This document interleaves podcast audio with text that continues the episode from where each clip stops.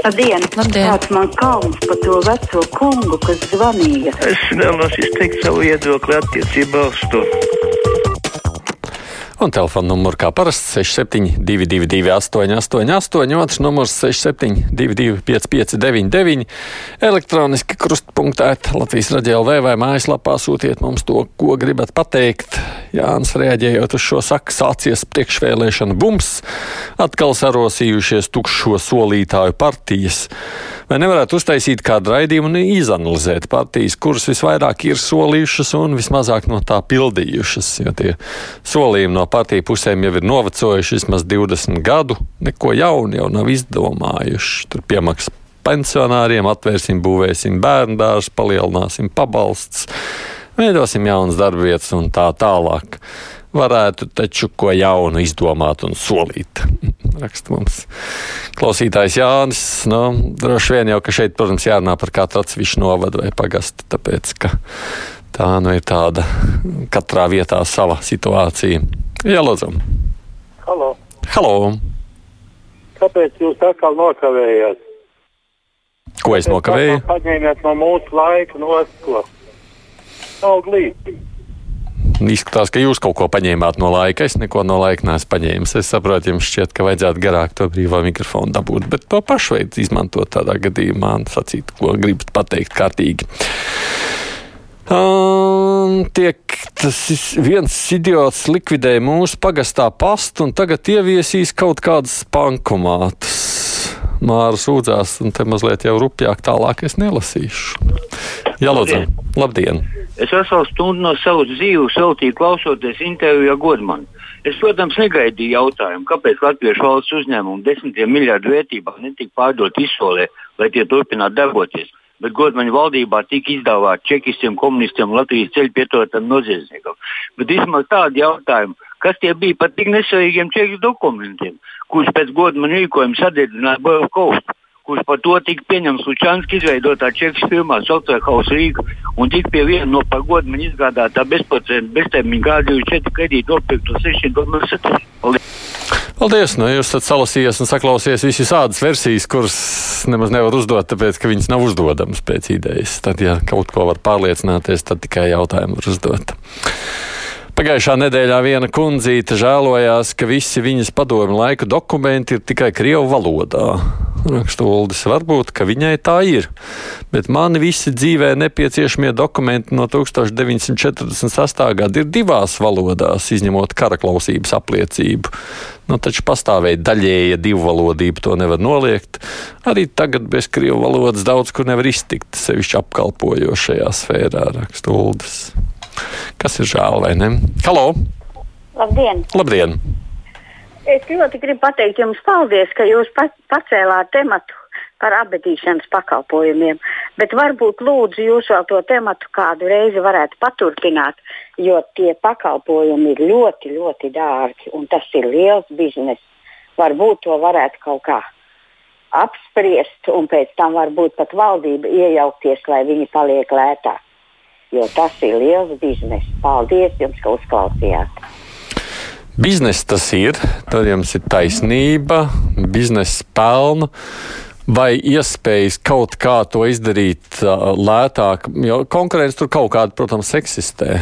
Bet temats kā tāds varētu būt aktuāls, kādas ir cerības to padarīt lētāk, jo patiesībā jau laikam bez tūkstoša zem zemes palikt nevar. Kaut ko ja tur valsts dod, bet nekad ar to nepietiek. Pēc vēlēšanām vajadzētu samazināt pašvaldībā strādājošo skaitu, bet kā izskatās, tad pagastos un domēs sēdošo būs vēl vairāk, un tie regulārie zvanītāji man kaitina raksturīja. Nu, tur es, ko nu varu, to daru, bet ne visu, protams, jā.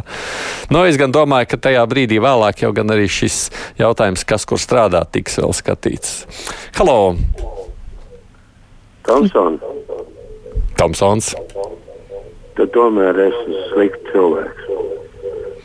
Uh, tava uztvere nav pareiza. Un kā labā tu vispār strādā? Nu, ko lai es atbildēšu? nu, kāda uztvere ir, tāda ir. Es jau palīdziet, pielabojiet man viņu. Viens otrs aicina nojaukt sev netīkamos pieminekļus, raksta Ozovals kundze. Uzskatu, ka neviens piemineklis nav jānojauc, jo tā ir vēsture, un vēsturei ir jāpaliek. Nu, Pieminekļi laikam bijuši vienmēr viens no tādiem strīdīgākiem jautājumiem, kas ir bijis ne tikai šeit, bet arī citur. Cieņa pret radio pieci. Radio pieci raksta mums Rozentāls prātu, reakciju un attieksmi. Dzīvojam 21. gadsimtā, joprojām cīnāmies pret vardarbību un attieksmi no daudziem, ka tā ir tikai ģimenes lieta. Un ziedot vadītāji stāsta, ka meitene jau martā lūdza palīdzību. Nu, redz, kā te mums ir. Halo! Labdien, Labdien. Tomsona! Un ot, kas ir par lietu. Pārējais uh, mūsu valsts prezidents Levita kungs teica, kauns par tiem latviešiem, kuri nodzīvojuši brīvā Latvijā jau 31 gadus, jā, un nevar viņa iemācīties burtiski elementāru latviešu valodu. Viņai vajagot krievu avīzi, jau sap, nevar saprast, kur tie latvieši tur raksta. Mums kauns, par ko libānieši var iemācīt, itālieši, no Anglijas atbrauc uz Latviju, perfekti runā latviešu, kaut kas viņi tādu nepatīk, ka dzīvot Latvijā, brauc projām, vai mācās latviešu valodu. Viņiem vairs te gaisa nebūs. A tā. Netic nevienam pašvaldības solījumam, raksta mums Gustavs. Nu, nebūs taču tur nekādas izmaiņas. Kā mēs 30 gadus braucām pa sliktiem un bedrainiem lauku ceļiem, tā arī brauksim. Skatisks Gustavs. Halo! Labdien! Labdien! Te gar un plaši tiek runāts par to pieminiektu pārdaugavā. Bet es domāju, ka tas vispār, ka tie Krievi ir veltīgi privatizējuši, jo tas vispār viņš ir celts pa tautas līdzekļiem. Jo tam īslaikos taču cilvēkam mierīgi no algas atvilka un neviens viņu neprasīja, vai viņš to grib investēt vai nē. Vienkārši uzcēla pa tautas līdzekļiem. Un tagad Krievs iedomājās, ka tas pieder viņam. Un uzstāda nezinu kādu tur ultimāts Maskava. Bet praktiski Latvijai vajadzēja smuku un godīgi pielikt buldozeru un viss kārtībā. Jūs saprotat, to, ka vajag jaukt nostiem.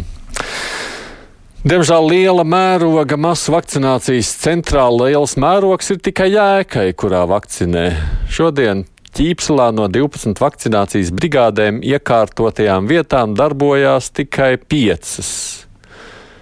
Rindā ar pierakstu ir jāpavada 40 minūtes, raksta Māra. Es gan pieļauju, ka tas jautājums lielā mērā ir atkarīgs no tā, vai cik ir pieejams vakcīnas. Es gan neesmu drošs. Es saprotu, ka šobrīd tas varētu būt lielākais. Tas, kas notiek Jālgavā, ir trakums, raksta Jānis. Briesmīga ZZS būda Jālgavas virzienā no skaistākajām vietām pasta salā. Nekad es par viņiem nebalsošu, jo tas, cik nekaunīgi var izlikt piekabu skaistā vietā, ir nejauki. Jā, lūdzu. Labdien! Labdien! Aidi, vai jums kauns rusceņi arī ir? Man jautājums tāds ir. Jūs taču nepārtraukti melojat. Tad jūs stāstāt, ka jums tur kaut kādi filtri darbojās, kas nelaiž vieniem un tiem pašiem zvanīt. Jūs taču tur ir abonents un jūs esat vispār liels melis. Vai ne tā? Ko? nu, nē, ko lai es saku, man nav nekāda filtra. Tā kā es nofiltrēju, tā jūs es esat. Kā jūs redzat, kādiem patīk, es paceļu, kādiem nepalīk. Tādā ziņā. Ē, nu nav labi zvanīt bez brīdinājuma ar tik smieklīgiem tekstiem, raksta Jānis. Man nu, projām sāp vēders no smiešanās par uztveri. À, tas par mani nepareizo uztveri. Nu, tā jau varētu būt, kas vienam ir labs, tas otram ir slikts. Nu, tā, lasu tālāk, kas te man nāk šobrīd. Uh, varbūt beidzot tomēr varat apturēt tos atcerējumu lasītājus, kuri elpa neievelkot katru dienu lasa savu skribelējumu. Nu, re. kas nu vienam atkal nepatīk, tas otram. Jā, lūdzu. Labdien. Labdien. Es par to abadīšanu. Ja tie mantinieki būtu mazliet čaklāki un gadus 30, 40 atpakaļ, ja mēs tā padomājam, kā mēs apbedījām, smuki uztaisam ielasta galdu, nokaut cūku teļu, e, nomazgā to nelaiķīti, ieliec viņu zārkā, kas stāv istabas augšā, sagatavotajā e, brāļi, dēli, mei, nu, meitas ne, aizbrauc uz to kapiņu, piedod man, aiznes, aprok, tur nav vajadzīgs, ne, ne, nu labi, tur vajadzīgs ir kaut kāda ēšana, bet nekas vairāk. Bet ja tagad visi ir tādi slinki palikuši, nu tad maksājam tūkstošus, maksājam un neraudam. Nu, es pieļauju, ka paši vairs tik viegli kapiņu nevar aiziet un izrakt. Tie laiki laikam pagājuši. Tā varētu būt. Bet nu, es pieļauju, ka varētu būt situācija Rīgā un mazajos novadiņos krietni atšķirīgāk. Tā tas ir. Diemžēl eh, Rīgā laikam tik vienkārši neaizskries un kapiņa neapliks. Ar uztveru man esot viss kārtībā, raksta klausītājs. Halo! Labdien! Labdien! Nu, aizi! Nu, turies Nu, taču! Es taču visu laiku turos. Nekādu. Bet man ir viens jautājums. Nu. Gribējās paslavēt gan to godmani. Man ļoti patika viņa runa. Nu, paldies! Nu, tā nebija runa, protams. Tā bija intervija ar viņu, bet ņemot vērā, protams, ka tā bija trešā māja intervija, mēs lielā mērā runājām daļu par vēsturi. Tā nu, tas bija. Uh, Labdien, Toms, jā, Tomson, tā, tagad es esmu tiek aprunāts. Es pat nezinu, vai vārds lasīt manas vēstules. es rakstu, neņem galvā, dīvainiem tu nepatīc, neesi jau rublis. Rublis es neesmu. Tas ir labi. Es uzmanīgs. Uztveres speciālists, acīm redzot, zina vairāk nekā spējam iedomāties. Tā vad raksta Mārtiņš. Nu, celšu klausuli. Halo! Nu, sveiki, Aidi. Klausies, zini, ko es pateikšu. Nu, neņem galvā šitos terpļus vienkārši viens foršs, foršs vadītājs. Man liekas, ka tie veči tai karstā saulē nav pieraduši pie tādas un dabūjuši saules dūrienu. Nu, tāda nav jāņem galvā. Lai veicās. Paldies, es neņemu galvā. Man tas, protams, mazliet rada smaidu un interesanti jau ir, ka jums tas šķiet aktuāla lieta, par kur arī vajadzētu raizēties. Um, Klausoties vakar diplomātiskās pusdienas par Gambiju, iedomājos, kāpēc tad, kad ir runa par Krieviju, mēs nereti sakām, ka Krievijai ir imperialistisks tieksmes, kas rezultējušās ar Krīmu, Austrumu, Ukrainu, Ostiju, Apkāziju un tam līdzīgi. Bet, kad runa par Tobago un Gambiju, tad lielai daļai Latvijas iedzīvotāji tāds kā lepnums par Latvijas koloniālo pagātni, vai šeit nav dubultie standarti. Nu, te laikam šoreiz nav runa vairs par pagātni, ja runājam par Krieviju, te ir runa par tagadni. Tāpēc jau laikam pasaule tiešām ir mainījusies. Bet paldies visiem, kas rakstījāt vai zvanījāt. Mums priekšā ir ziņas, nu un tad runāsim par sociālo jomu, kāds tas ir pašvaldībās.